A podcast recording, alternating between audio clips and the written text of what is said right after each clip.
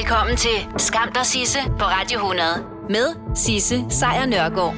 Ja, velkommen til. Det her, det er som bekendt bare en podcast. Hvis du vil høre The Real Deal, så er det hver dag 12-15.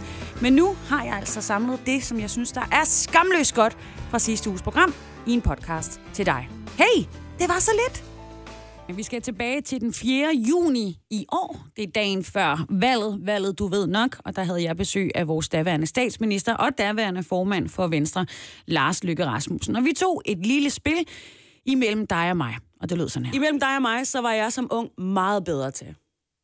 At få slappet af, tror jeg, jeg vil Nå. sige. Er det ikke det, der kommer med øh, alderdommen? Det, okay, du kommer til at lyde som om du er meget gammel. Ja. Men det er også den sidste dag i valgkampen, ikke? Ja. Men er det ikke det, der kommer med alderen, at man bliver bedre til at sige, nu tager jeg lige den der skraber? men, det, men det er måske også forkert udtryk, men, men så var jeg bedre til at holde fri, eller øh, sådan noget, ikke? Fordi jeg havde mere tid, da jeg var ung. Altså, det er jo så måske lidt omvendt, ikke? Men altså, jeg er godt nok travl, og har haft meget travlt i en overrække, ikke? Øh, og, øh, og da jeg var ung, der var det mere loose. Altså, der var det at ringe til min gode ven Jesper og sige, øh, hallo, skal vi ikke lige tage op i... Øh, hos spejderne, vi gik til spejder, og så øh, hente et telt nede i kælderen, og, og, og så fisse ud i skoven, og så slog vi telt op og var der to dage eller sådan noget. Altså, måske ville det være bedre at sige, at da jeg var ung, der var jeg, mere, der var meget bedre til at være impulsiv. Tror jeg. Måske så. Det er også svært at være impulsiv, tænker jeg, når man øh, som dig for tiden har øh, PT øh, omkring. Ja, Altså, ja. så skal du også have et telt med til dem, ikke? Jo, det, det, de har deres egen telte. Øh, og det ved jeg, fordi lige da jeg blev statsminister første gang, der var jeg på kanotur med mine børn. Det er sådan en fast tradition, jeg har. Øh, hvert år. Og, øh, og jeg tror, Peter havde misforstået konceptet, fordi jeg tror, de troede, vi skulle på sådan noget rigtig øh, overlevelses. Men vores kanotur, det er sådan noget med en stor frostboks, hvor der er en lammekøl i bunden for at holde mælken kold og sådan noget. Det er ret luksuriøst, ikke? Ja. Og, og de der drenge, de havde sådan et lille øh, tomandstelt med, og sådan noget øh, pulvermad og sådan noget, ikke? Mens jeg sad med børnene med rødvinsflasker og cola og lammesteg, ikke? Men de klarer sig selv. Ej, det er et syn, jeg godt Ja. Også nogle skønne familiefotos, der kommer af. Bestemt, bestemt. Ja, så lød det altså den 4. juni 2019, dagen før valget, og øh, vurderer jeg bare ud fra det, jeg hører her, så tror jeg, at det nok skal gå fint for Lars Lykke. Vi vil hygge os, når vi bliver gamle, men vi vil ikke hygge os alene. Bag lukkede døre og gemt bag ligusterhækkene, der er blevet sat op i øh, 1960'erne. Nope. Vi vil hygge os med vores venner i bofællesskaber. Faktisk så siger flere ældre farvel til livet med egen hæk og hoveddør og flytter i stedet for i et meget bedre liv, nemlig i bofællesskab med andre seniorer, som det hedder. Rundt omkring i landet, så pipler det faktisk frem med de her såkaldte seniorbofællesskaber. Og ny forskning viser ifølge DR, at der er penge at spare. Og så øger det altså også derudover, det er jo måske det, der er det allervigtigste. Det øger nemlig også de ældres livskvalitet at bo ikke alene, men sammen med andre venner. I 27 kommuner, der bor ældre allerede i øh, nogle øh, kommunale eller almene bofællesskaber, og øh, seniorbofællesskaber er faktisk også på vej ind i 11 andre kommuner. Det viser en rundspørg, som DR altså har foretaget blandt landets kommuner. Og der er altså noget, der tyder på, at glæden ved at bo sammen med andre går igen hos rigtig mange af de beboere, som er øh, derude og bor sammen med folk. Det er simpelthen sådan, at et, øh, en undersøgelse lavet af det Nationale Forskningscenter for Velfærd øh, for foreningen Real Dania, den viser, at 91 procent af dem, der flytter i et bofællesskab, de oplever, at de har en øget livskvalitet. Det vil jeg bare gerne skrive under på. Det kan godt være, at jeg ikke er senior endnu, men det går da hæftigt den vej i øvrigt. Og jeg er flyttet i et bofællesskab, og min livskvalitet er steget. Jamen, jeg vil sige omkring 37-43 procent. Det er en kæmpe gevinst. Når man bor tættere på hinanden, så betyder det, at man møder hinanden oftere, og man er med til at holde øje med hinanden, og man får et, et fællesskab, hvor man kan hjælpe hinanden. Det er ikke bare noget, jeg siger, det er også noget, Real Danias direktør Jesper Nygaard er ude og sige. Og de har altså også, DR, foretaget en rundspørg til landets kommuner, hvor 85 kommuner har svaret. Og der er de altså som bekendt sagt, at 27 kommuner har et eller flere bofællesskaber. Men at man sagtens kan få hjælp til at lave et selv. Så hvis det er, at du går rundt og tænker, min mor og far bør gøre det her, eller jeg bør gøre det her, jamen altså, undersøg muligheden i din kommune. De er garanteret rigtig glade for at hjælpe, fordi en ting er, at de ældre bliver gladere, En anden ting er, at de sparer penge, og kan dermed have råd til, ja, altså enten at få bedre rengøringshjælp, eller de rent faktisk kan komme ud, rejse, have det fedt, og se lidt mere til børnebørnene. Do it! Do it, do it, do it, do it, do it. Billy Joel, The River of Dreams. En sang, jeg absolut kan anbefale dig at smide i ørerne, sætte dig op på et elektrisk løbehjul, og så bare øh, køre ud i, øh, i solnedgangen med det, og så bare i, ikke få øjenkontakt med nogen mennesker, fordi uh, de der elektriske løbehjul, der er altså en haterstemning i gang på dem. Skam dig, Sisse, på Radio 100 præsenterer dagens skamløse øjeblik. Og hjemme, der, er, der har de der øh, elektriske løbehjul været genstand for en gigantos debatters, i hvert fald i øh, København hvor de jo ligger øh, alle steder. Det er jo øh, frygteligt. Det er jo frygteligt. Det er jo alle steder, hvor man kan gå ud på gaden, og så kan man snuble over et stykke lamt legetøj, der desværre er umådelig morsomt at bruge. Og nu kan det faktisk godt se ud som om, at der kan komme endnu flere af de her elektriske løbehjul. Fordi en af verdens øh, største bilfabrikanter har faktisk vurderet, at det elektriske løb- løbehjul fremover skal være ekstra udstyr i deres biler. Det er Kia, der har afsløret en ny prototype på et elektrisk løbehjul, som altså kan ende med at blive integreret i fremtidige Kia-modeller, altså de her Kina-biler. Øhm, og tanken er så, at de her løbehjul skal bruges på de første og sidste kilometer, når man er en pendler.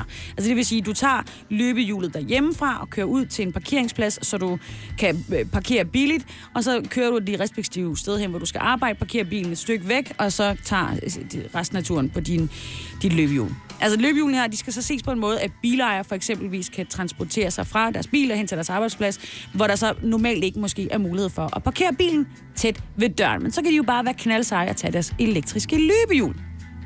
Når det så er, at det her løbehjul er monteret på bilen, så bliver det jo selvfølgelig opladet automatisk ved hjælp af den elektricitet, der produceres under kørslen, hvilket sikrer, at man altid kan komme frem problemfrit. Og det lyder jo desværre ret skønt. Det gør det jo. Det er bare ikke lige noget, der kommer til at ske sådan lige forløbig. Det er Ekstrabladet, der har den her historie, og til Ekstrabladet, der oplyser Kia øh, i Danmark, at der endnu ikke er nogen sådan konkrete planer om, at løbehjulet skal blive en del af fremtidige Kia-modeller herhjemme, men at det skal ses som et bud på fremtidens mobilitet, og det er jo dejligt. Det kunne jo også være endnu mere dejligt, hvis det bare var elektriske biler, de producerede hele linjen over, i stedet for bare at smide en lille skide pishjuler på til sidst. Men hey, alting alting kan jo, kan man sige, ændres. Det er et øh, elektrisk løbehjul, der vil have cirka 20 km på en enkelt opladning, så man kunne jo også bare droppe bilen og så tage det i stedet for. Men øh, ikke desto mindre, så kan det altså gå hen og blive fremtiden. Og det var dagens øh, bil, bilnyt.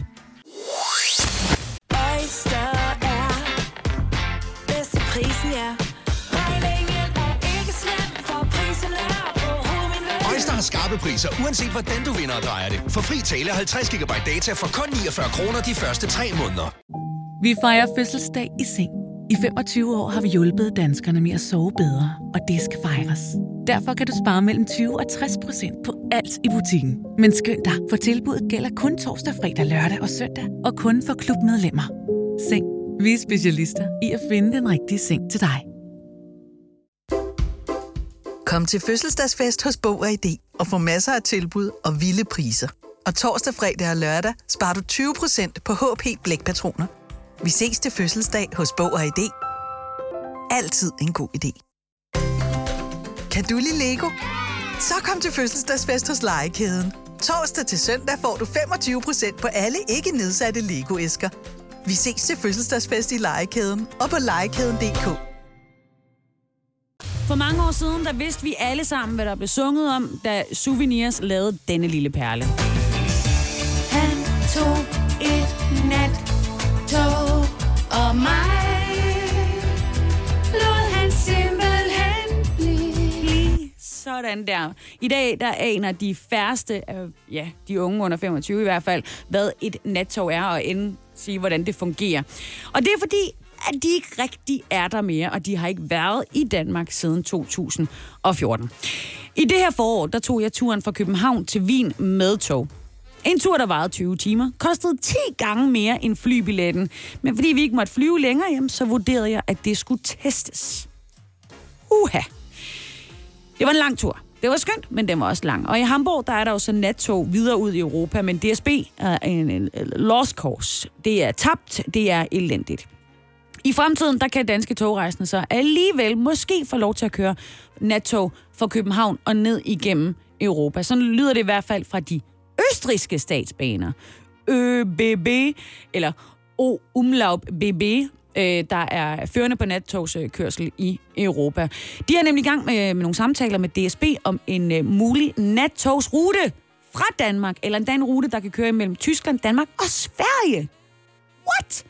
Den her udmelding, den kommer endda lige efter, at vores transportminister, det er Benny Engelbrecht fra Socialdemokratiet selvfølgelig, øh, han i weekenden sagde, der kommer ikke til at være dansk nattog. Det kommer ikke til at ske. Han sagde, at DSB havde regnet på det, og det var ikke en forretningsmulighed overhovedet.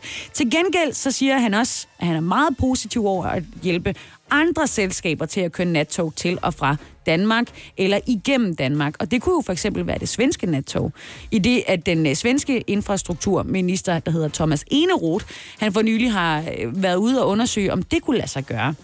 Men det kunne jo nemlig også være en operatør sydfra. Og det er altså her, at O BB, altså den østriske øh, transport, øh, de måske er den eneste reelle mulighed, fordi de har altså valgt at satse kraftigt på nattogskørsel igen. Øh, efter at man jo faktisk havde begravet nattogene på, øh, i det meste af Europa, da Deutsche Bahn tilbage i øh, 2016 helt stoppede med sovevognskonceptet City Night Line og øh, i øvrigt øh, for længst har stoppet til at køre til Danmark. Men nu har de altså besluttet sig for i Østrig at investere omkring 30 millioner euro. Det er bare lige 224 millioner kroner på øh, blandt andet at købe og renovere 45 nattog. Og øh, de har bestilt flere til levering i 2020 øh, og pynser altså så på nye potentielle ruteåbninger. Og her er det, at vi kommer ind i billedet. Ja, men sådan en nattogslinje til og fra København er jo ikke bare noget, man lige smider ind i køreplanen, skal vi tænke på. Det er jo trods alt også DSB. Og så er det også en risikabel affære. Altså, det er dyrt, øh, og, og de koster mange penge at lave de her vogne, og man kan kun køre en enkelt gang i døgnet, og der er færre passagerer ind på et almindeligt dagstog. Og så er der jo konkurrencen for billige flyrejser, og det er jo i det hele taget lidt ned ad bakke. Men det skal ændres, altså det med de billige øh, flybrændstof. Og så kan vi altså bare fræse sovne ned igennem Europa, uden at ødelægge vores børns fremtid. Halleluja! Noget, jeg tror, de fleste af os kan relatere til i den forstand, at det kan nogle gange være svært at falde i søvn, og hvad kan man så give sig over? Jo, man kan gøre det endnu sværere at falde i søvn. Man kan eventuelt danse i måneskinnet, eller man kan sætte sig til at glo på sin telefon, og det må man jo ikke, fordi du ved det godt. Alle siger det. Det står i alle fitnessblade, alle bloggere skriver det, aviserne kan næsten ikke få nok af det. Det er, husk nu at få søvn. Det er vigtigt, at du får nok søvn om natten. Forskning viser nemlig, at mangel på søvn blandt andet øger risikoen for at udvikle diabetes, hjertekarsygdomme, og så er det derudover også bare helt generelt forbundet med en højere dødelighed. Sover du ikke, så kommer du til at sove ekstra godt i meget lang tid. Ja, faktisk for evigt. Det er hammerne forkert ikke at sove. Det er jo forskelligt, hvor meget søvn det enkelte menneske har behov for. De fleste voksne, regner man med, har brug for imellem 7 og 8 timers søvn hver nat. Og jeg ved ikke med dig, om det er et problem. Jeg kunne personligt godt bruge sådan i 10 timer hver nat, men sådan er vi jo så forskellige. Men så er der faktisk også mennesker, der kan nøjes med kun 4 timer om natten og stadigvæk have et godt helbred. Det er ikke bare noget, jeg siger. Det er simpelthen en ny teori for forskere fra University of California, som altså har fundet ud af, at der er de her mennesker, at de højst sandsynligt har et muteret gen, som måske dikterer, hvor meget søvn en person har brug for. Det er DR, der har skrevet den her blændende historie, og de fortæller også, at de her forskere, de analyserede generne hos 12 mennesker fra en familie, der kunne nøjes med at sove 4,5 time om natten, uden at blive trætte. Og det kunne de vel at mærke blive ved med. Forskerne undersøgte lidt nærmere, og så fandt de så ud af, at den her familie havde en mutation i genet med navnet ADRB1. Fræk navn. Der er en professor fra det, der hedder Dansk Center for Søvnmedicin. Han hedder Paul Jennum, og han har altså også kigget på den her undersøgelse og fortæller altså til DR, at det er ret interessant. Han siger faktisk, at de øh, kender til enkeltstående tilfælde, hvor folk de sover meget lidt, og hvor det muligvis ikke er som følge af livsstilsændringer. Men det er altså stadigvæk ekstremt sjældent, at man ser normale, raske personer, som har den her korte søvntid. Og for ligesom at blive klogere på den her mutation i det her gen, så lavede forskerne forsøg med rotter. Når forskerne gav rotterne den samme mutation, altså det her ADRB1, så sov rotterne i gennemsnit 55 minutter mindre i døgnet. Og ifølge forskerne bag den her undersøgelse, så ser det altså ikke ud til, at mutationen er forbundet med, at de her mennesker så bliver syge af at sove så lidt. Faktisk ikke, så ser det ud som om, at de rent faktisk fungerer lige så godt som alle os andre. Tidligere der, så har det her forskerhold også fundet nogle lignende mutationer i andre gener, og spørgsmålet er, hvorfor vi andre så ikke har fået de her ret fordelagtige funktioner i kroppen. Og ifølge en af forskerne bag undersøgelsen, så kan det altså skyldes, at vi har udviklet de her mutationer sent i menneskehistorien, og derfor ikke har nået at sprede sig særlig meget, altså genet. Ligesom vi får nye mærkelige knogler i nakken, fordi vi sidder bukket over vores telefon hele tiden. Og goddamn, jeg er bange for, at min datter muligvis har fået det her gen. Men hvad gør man så, hvis man bare gerne vil sove og sove ordentligt? Jamen altså, say no more. Efter Carl William får du besked. Og ja, der er nogle mennesker derude, meget, meget sjældent, og herhjemme nærmest ikke, der har det her muterede søvngen, der gør, at de kan nøjes med at sove fire en halv time om natten, og stadigvæk være veloplagte, friske, og bare være fire timer foran os andre hele tiden. Og det er vel fint nok. Men der er altså også bare rigtig mange af os derhjemme, der sover dårligt. Faktisk sover 46 procent af os danskere dårligt om natten. Det viser en undersøgelse, som DR har, øh, har bragt. Og de har derfor også været så søde at rekvirere en lille liste til os, der ikke kan finde ud af det der med søvn. Altså os, der, der prøver igen og igen at gå tidligt i seng, og alligevel ender med at ligge vågen til klokken 2-3 stykker. Der er fem gode råd. Den første er, og den, den giver vel egentlig sig selv efterhånden, men pak din skærm væk. Det er det lys fra din telefon eller din tablet, som gør, at du har, du, du har sådan en nedsat udskillelse af det her søvnfremmende hormon, der hedder melatonin, og det kan altså udsætte søvnen med op til en time. Så der har du allerede der en mulighed. Hvis du bare slukker telefonen og går i seng, uden at tage den med ind i soveværelset. Nummer to, det er, at du skal prøve at lave en god rytme. Noget af det vigtigste for en god søvn, det er altså rytmen. Stå op og gå i seng på det samme tidspunkt hver dag, og der mener de altså også i weekenden. Noget andet er at stå op. Altså hvis du ligger søvnløs, er det en god idé at stå op. Fordi hvis kroppen først forbinder sengen med søvnbesvær og frustration, jamen så kan det være, at det sætter sig. Og det vil sige, at du får endnu sværere ved at gå i seng. Så hvis det er, at du ikke kan finde ud af at falde i søvn, stå op af sengen, gå ind i et andet rum, slap af og prøv så igen 20 minutter senere. Det fjerde råd, det er, du må ikke panikke at du må ikke ligge der og sige, nu har jeg kun 3,5 timer til at sove, nu har jeg kun 2,5 timer til at sove. Den panik, det gør, at du overhovedet ikke kan. Søvn er et fysiologisk behov, så du skal nok falde i søvn på et eller andet tidspunkt. Og et par nætter med dårlig søvn, det gør heller ingen skade, så du skal bare slappe af, og så kan du altså nemmere sove. Så slap af, ingen panik. Nummer 5. Du skal altså også huske at gøre tid til at kunne sove. Du skal prioritere søvn, det er mega vigtigt. Det er lige så vigtigt som at få mad, trække vejret og motionere. Og det er altså så især de her unge mennesker, som sover uregelmæssigt. Det kan være, at de sover et par timer den ene nat, og et halvt døgn den næste. Det ved vi jo godt. Natten til fredag, tre timer søvn, og så hele lørdag dag, der sover de mere eller mindre. Og det er ikke godt for kroppens øh, indre ur. Så du skal prøve at sove nøjagtigt det samme antal timer hver nat, og så skulle den fungere. Så skulle du faktisk være kureret. ja, helt sikkert. Det var så lidt Nå for søren, har du svært ved at komme ud af sofaen og komme ud og løbe, så kunne vi to eventuelt lave en klub. Jeg mener, hvordan gør man egentlig, når når man først har sat sig ned, hvordan kan nogle mennesker så rejse sig igen, svinge noget tøj på, drøne afsted igen og igen, og dermed også komme i god form? Well, der er nogle forskere, der har svaret.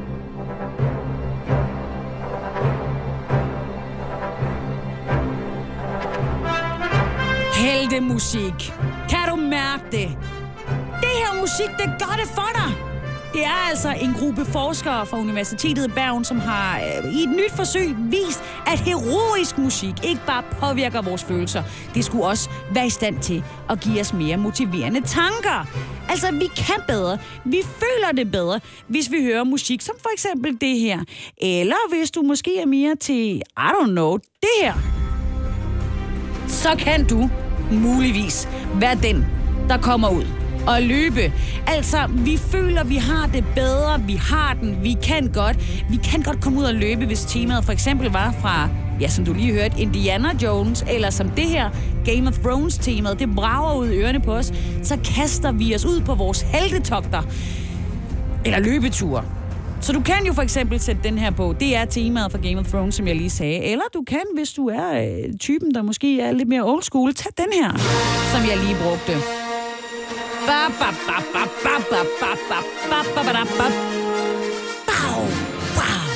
Afsted! Ud i det uendelige univers, eller bare ud og løbe. I følge Stefan Kølsch, der er professor i øh, psykologi ved Universitetet i Bergen, og som er en af forskerne bag den her undersøgelse, så er det altså første gang, man prøver at bevise, at ens tankemønstre også påvirkes af musik. Musik, det kan påvirke vores humør, vores følelser, men man ved ikke, hvad det gør ved vores tanker. Så vores forsøg er blandt andet de første, der viser, hvad det kan gøre, har han sagt. Og ja, du kan nemlig sagtens sætte Star Wars på, og så hop i løbeskoene, fordi det burde virke ifølge dem. De brugte en specifik type musik, da de forsøgte at finde ud af, hvad der virkede for os. Og det, de blandt andet brugte, var heroisk musik. Steffen han siger for eksempel, at heroisk musik kan for nogle mennesker godt øh, være det, der skal til, og for andre, hvad end du synes. Det handler faktisk mere om, hvad du føler, når du hører noget specifik musik. Så altså, jeg forsøgte mig i går aftes med den her, og jeg sværger, jeg fløj ud af døren. Så jeg fortsætter med at sætte musik på, som den her. Og hvis du ikke rigtig er til det helteagtige musik, jamen bevares. Så siger de også, at alternativt, så skal du faktisk bare bruge musik i ørerne generelt, når du vil bevæge dig. For undersøgelsen viste altså, at det i bund og grund handler om personlige præferencer. Så hvis du er typen, der bare rigtig gerne vil ud og løbe, men ikke kan tage dig sammen, så har jeg et forslag til dig, og det hedder Prince.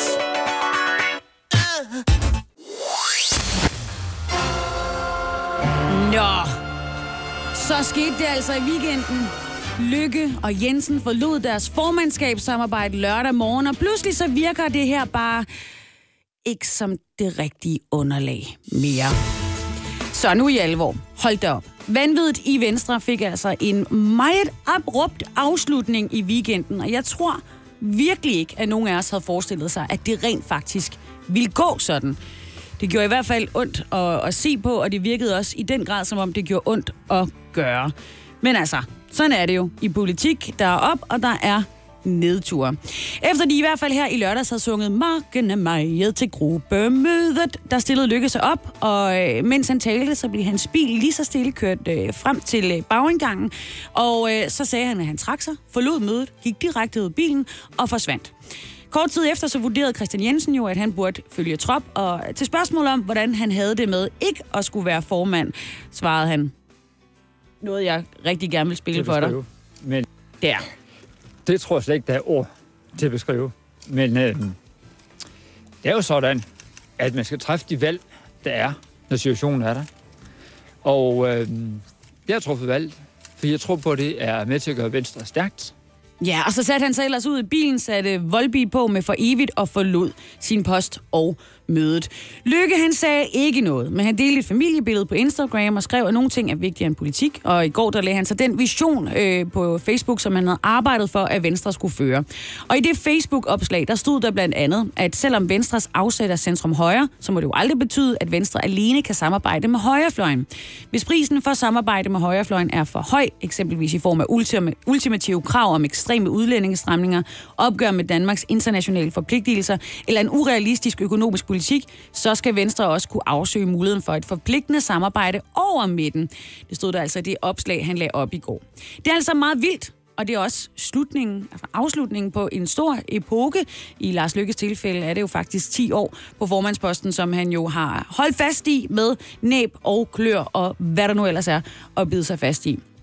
Og derfor så vil jeg egentlig også gerne lige have øh, tid til at spille et lille klip med Lars Lykke, da det er optaget, mens han stadigvæk var statsminister og formand selvfølgelig.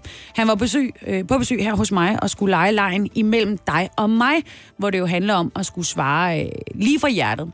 Og øh, at vurdere ud fra hans svar, så tror jeg faktisk, at han har rigtig gode ting i vente nu. Skam dig, Sisse på Radio 100 præsenterer Skamløse fornøjelser. Jeg synes ligesom, jeg bliver nødt til at lave en form for disclaimer, når jeg taler om det, jeg skal til at tale om nu, nemlig fodbold. Jeg ved ikke særlig meget. Det gør jeg ikke, og øh, folk, der lytter til programmet, vil vide, at, øh, at, der bliver sagt ord som fodbold i det her program, i sig selv vidner om, at this is big news. Det her det er kæmpe. Fordi det, jeg ved nu, det er, at Niklas Bentner kommer hjem til den danske del af fodbolden. Altså til os. Til, han kommer tilbage. Han har simpelthen fået lov til at komme hjem til FC København, hvor han allernådigst har fået kontrakt året ud. Og når jeg siger hjem til FC København, så mener jeg jo bare hjem til Danmark, for han har jo vel at mærke været i Norge. Det her, det sker efter, at Ståle Solbakken, som jo apparently er træner for mesterne, han har afvist igen og igen og igen, at der var plads til en type som Niklas Bentner i FCK. Men du ved, så bliver en angriber skadet, med en anden skadet, og så står man der, og Bentner er vel stadigvæk en stærk angriber, så ja, kæmpe chok. Selv for sådan nogen som mig, der måske mest af alt følger med i, om mine venner er okay, eller glade, eller måske lidt triste, når der har været fodbold.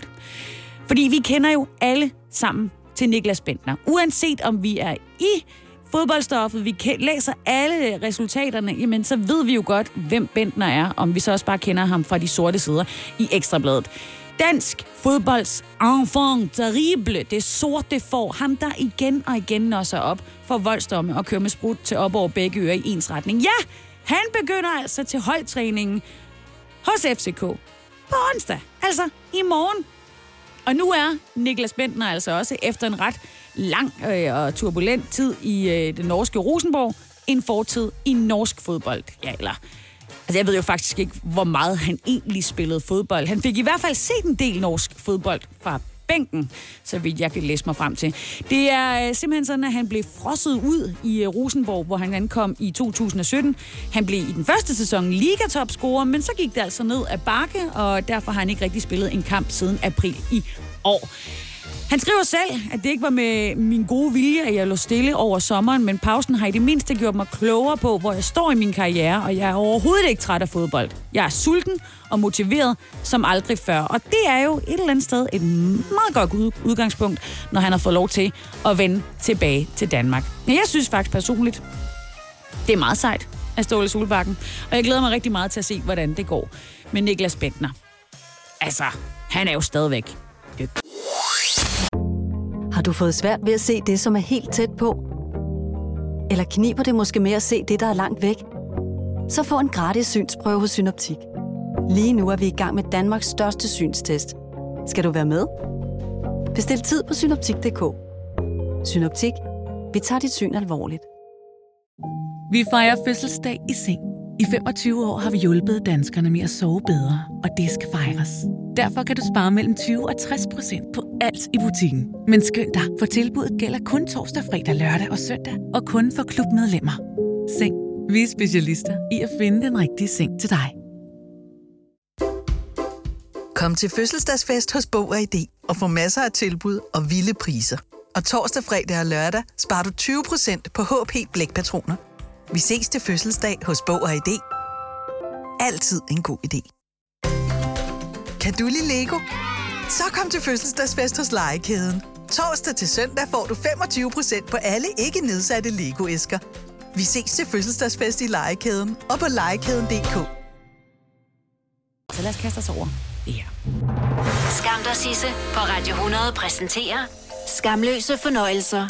For så skete det, vi jo nok et eller andet sted fuldstændig vidste ville ske. Jamen, det er meldingen om, at jeg øh, stiller op til posten som øh, formand for Venstre, Danmarks ja. Liberale Parti. Sådan fik det hele med der. Jakob Ellemann Jensen, han stiller op som formand. Og hvorfor gør han så det? Jo, det svarede han selvfølgelig på i aftes hos DR. Det er et godt spørgsmål. Jeg tør ikke at lade være. Vi har været ude i et øh, stormvejr her i, i den seneste tid. Det tror jeg har været tydeligt for de fleste, og særligt her i, i weekenden har det været voldsomt for os. Nu er der altså brug for at sige, jamen enhver øh, afslutning, hvor kedelig den anden må være, jamen det er også en ny begyndelse. Og det, øh, det tror jeg, der er plads til nu. Jeg tror, der er et ønske bredt i vores parti om at forlige øh, de stridende parter, der har været, og så at starte forfra. Ja, så når en dør lukker, så åbner Jakob Ellemann sig op for en formandspost. Kæmpe, kæmpe tillykke med det i øvrigt. Ellers så går han op i et øh, fyrtårn, om man vil. Fordi der skal jo være øh, en mand, der kan holde styr på de storme, der florerer i Danmarks store borgerlige parti. Jamen, der er ikke nogen tvivl om, at det er et øh, voldsomt stormvejr, som, som vi har været ude i her i de seneste uger, øh, kulminerende med en øh, for at sige det som det er, øh, rigtig øh, ubehagelig weekend. Øh, og og det, øh, det skaber selvfølgelig nogle sår, øh, som også rækker øh, flere år tilbage i tiden. Så det er jo ikke nogen øh, nem opgave, som vi i fællesskab står overfor her. Øh, til gengæld så lader der altså til at være en stor velvilje i forhold til at, at tage fat på at løse den opgave, som vi skal løfte i fællesskab nu. Ja, stor velvilje for det, men i øvrigt også en stor velvilje for Ellemann som boss. Når der er så mange mennesker, som, som viser mig den tillid og siger, at de mener, at, at jeg kan stå i, i spidsen for den proces, som vi skal i gang med nu, jamen så skylder jeg altså også mit parti og mine partifælder at, øh, at gribe den opgave og, og løse den så godt jeg kan. Ja, han kan jo faktisk ikke sige nej, når nu alle går rundt og siger, jo, det skal du. Så det forstår man jo så udmærket. Man fristes faktisk lidt til at bruge hans fars ord, godt nok lidt mærkeligt øh, brugt ifølge Ekstrabladet, men øh, til at sige, den er hjemme. Sådan er det. Især når han alligevel også har formået at komme hele den her vej, altså hele vejen til tops, uden at få beskidte fingre. Jamen, jeg bilder mig ind, at min fordel den er, at jeg ikke har været engageret i nogle af de øh, fløjkrige, for at sige det som det er, der har øh, martret vores parti i, igennem en periode. Øh, og øh, så, øh, så mener jeg selv, at jeg er god til at finde, finde løsninger og være den, den pragmatiske type, som, som lytter til folk og siger, hvor er, det, øh, hvor er det, vi kommer til at gøre ondt på hinanden en gang imellem, og så undgå det og formulere vores politi- politik øh, derefter. Ja, og bemærk i øvrigt hans ordvalg nu, når han siger, at han har været god til at vriste sig fri fra at være i den ene eller den anden del af fløjkrigen. For en af de ting, som der jo for alvor smed Lars Lykke af posten som formand, det var, da han rakte ud hen over midten og spurgte, er der mulighed for et samarbejde med Mette Frederiksen? Altså, kunne vi få en VS eller en SV-regering? Og bemærk nu her, hvordan Jakob Ellemann, han stille og roligt holder sig ude af den på vanlig vis ved at sige, men det er ude af mine hænder. Man må sige, den, øh, den dør på klem fik Mette Frederiksen jo sparket noget så eftertrykkeligt i. Øh, det ønskede hun ikke. Hun ville basere sig på den yderste venstrefløj. Så den diskussion, den er jo slet ikke aktuel. Ja, og det var den jo så alligevel lidt, når den nu kunne smide lykke af formandsposten. Og det er jo altså stadig bare øh, sådan, at der er en gennemsyret krig i partiet. Om de skal læne sig op i de borgerlige, hvis de borgerlige hedder Ny Borgerlige og Dansk Folkeparti, eller om de skal arbejde hen over midten, selvom at midten også består af radikal venstre.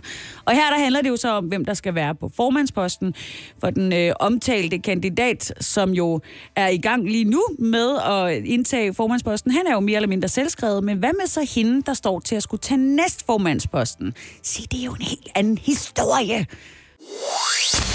Og mens der jo ikke rigtig er andre kandidater til at blive formand for Venstre, som det ser ud lige nu i hvert fald, igen, den er hjemme, skal man nok ikke begynde at kaste ud af, så er der jo en helt andet spil i gang, nemlig det om Venstres næstformandspost.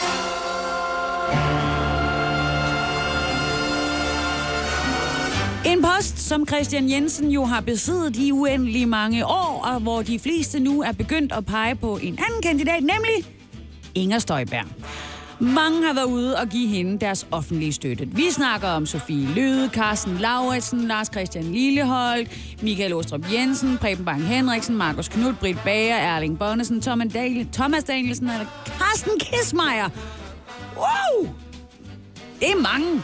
Og i et interview med Jyllandsposten, så siger Ellemann faktisk også, at Inger Støjberg er et rigtig godt bud. Det sagde Lars Lykke Rasmussen i øvrigt også om Christian Jensen, dengang han blev adspurgt om, Christian Jensen kunne være formand for Venstre. Han er et rigtig godt bud, og se hvordan det så gik. Men til trods for alle de navne, som jeg lige ramser op, så er det ikke alle, der har givet Støjberg deres fulde opbakning. Faktisk er der sådan, at øh, i baglandet, en vis virak omkring, at hun med sin meget klare kurs i udlændingepolitikken deler mere, end hun samler. Ligesom det anses for risikabelt at lægge en, ja, hvad kan man kalde det, færdig model over de delegerede på det her ekstraordinære landsmøde, der kommer om et par uger, hvor et nyt formandskab skal vælges. Så det er alt sammen stadigvæk op i luften. Inden det gruppemøde på Christiansborg i går, der var der også flere venstrefolk, som der jo selvfølgelig støttede Jakob Ellemann, men var mere tøvende med at svare på, hvem de så som næstformand. For eksempel Martin Gersen. Skatte, erhvervsskatteordfører. Han sagde, at det var så sandelig et godt bud, men der kunne jo også godt være andre, og måske man skulle give Jakob mulighed for at vælge en. Så var der øh, beskæftigelsesordfører Hans Andersen, som øh, også synes, at Ellemann er spot on. Men det der med næstformanden, der var der ikke rigtig nogen kommentar. Der skal lige falde lidt ro på, og det har jo været en dramatisk weekend, og uh, og sådan noget. Og der er også, øh, ja, Ellen Trane Nørby, som er ude at sige, i don't know, om det skal være Inger Støjberg. Og det er jo fint nok. Helt fint. Det, der jo så også bare er ret interessant, det er, at Berlingske har gravet i det, og det viser sig, at Ellen Trane Nørby faktisk har forhørt sig hos sine partifælder, om der vil være opbakning til andre næstformandskandidater end lige præcis Inger Støjberg, som også var nærmest hjemme. Heriblandt Ellen Trane Nørby selv. Så det kunne jo godt være, at den tidligere sundhedsminister måske skulle ind og så vise sig for at være den næste næst for kvinde i partiet, der bliver ved med at give og give. Under alle omstændigheder, vi har lang tid til den 21. september, hvor der altså i Herning skal være 850 delegerede venstrefolk på plads for at finde ud af, om Ellemann får lov til at sige, at den er hjemme til formandsposten, og hvem pokker, der får lov til at tage næstformandsposten. Skam dig, Sisse, på Radio 100 præsenterer dagens skamløse øjeblik. Jeg, jeg ved slet ikke rigtig, hvad pokker jeg skal stille op med den her historie, men at have den med, kunne jeg simpelthen ikke undgå. Men Rockwool-fonden, de har sat fire mandlige forskere på at fortælle os, hvad der skal til for at redde et ægteskab. Og det er nu det, du kan læse i overskrifter de fleste aviser i dag. Og lad os begynde med, hvad de skriver om, hvad der sker, hvis altså et ægteskab går i stykker, og der er børn involveret. Jo, drenge har større risiko for at blive kriminelle og ikke tage en uddannelse. Både piger og drenge får dårligere karakterer. Og alt det her, det kan afværges, hvis altså mor og far ikke bliver skilt. Så der er med andre ord som altid skyld med skyld på for de mennesker, som knokler røven ud af bukserne for at blive sammen og ender med ikke at kunne alligevel så er det altså jer, der er decideret skyld i, at jeres børn klarer det helvede til, fordi det er jo klart. Det er jo sådan, det er. Man hører jo aldrig nogensinde om nogle skilsmisseforældre, hvis børn jo faktisk har det ganske fint. Men fint nok, lad os starte med skylden. Hvad skal der så til for, at mor og far ikke bliver skilt? Well, jo, det er da lige ud af landevejen. Mor, hun skal tage mere af husholdningsarbejdet. Ja, det er basically det, de skriver. Hvis mor hun tager 60% mere af husarbejdet, så skrider far ikke. Eller mor, for den sags skyld. Og jeg ved ikke rigtig, hvor jeg skal begynde. For øh, bliver mor lykkeligere i ægteskabet af at støvsuge mere, end hvis far gør det? Bliver mor mere glad, hvis hun kan komme hjem efter en 8 timers arbejdsdag, hente børnene, handle, lave maden, rydde op efter maden, putte ungerne og far så støvsuger? Er det så bare lige det, der skal til, før hun ikke skrider? Hvad med alle de andre ting, som kan være en skilsmisse? Ifølge en undersøgelse fra Gallup, så var den hyppigste årsag til skilsmisse for et par år siden utroskab. Fejlslagen kommunikation. En følelse af, at ens partner ikke længere er den person, man giftede sig med. Ja, altså utroskab er en skilsmisseårsag, som der går igen i forskningsprojekter, både herhjemme og verden over. Og forklaringen er, at den bryder med den monogami, som mange par mener er essentiel i et ægteskab. Når den ene så går ud og knaller den anden, jamen så synes man ikke rigtigt, at man har den længere. Det er der i hvert fald mange, der har det på den måde. Men tror du så virkelig, at det, der holder et ægteskab sammen, det er, at mor lige støvsuger, og ikke, at så lader mor være med at gå ud og knalde en anden, fordi hun støvsuger for meget hele tiden, og han fatter ikke en ting. I don't know. Men altså, Rockwoolfonden gør åbenbart. Kære, kære, kære par, alle sammen, jeg er ikke forsker. Mit forhold er langt fra perfekt.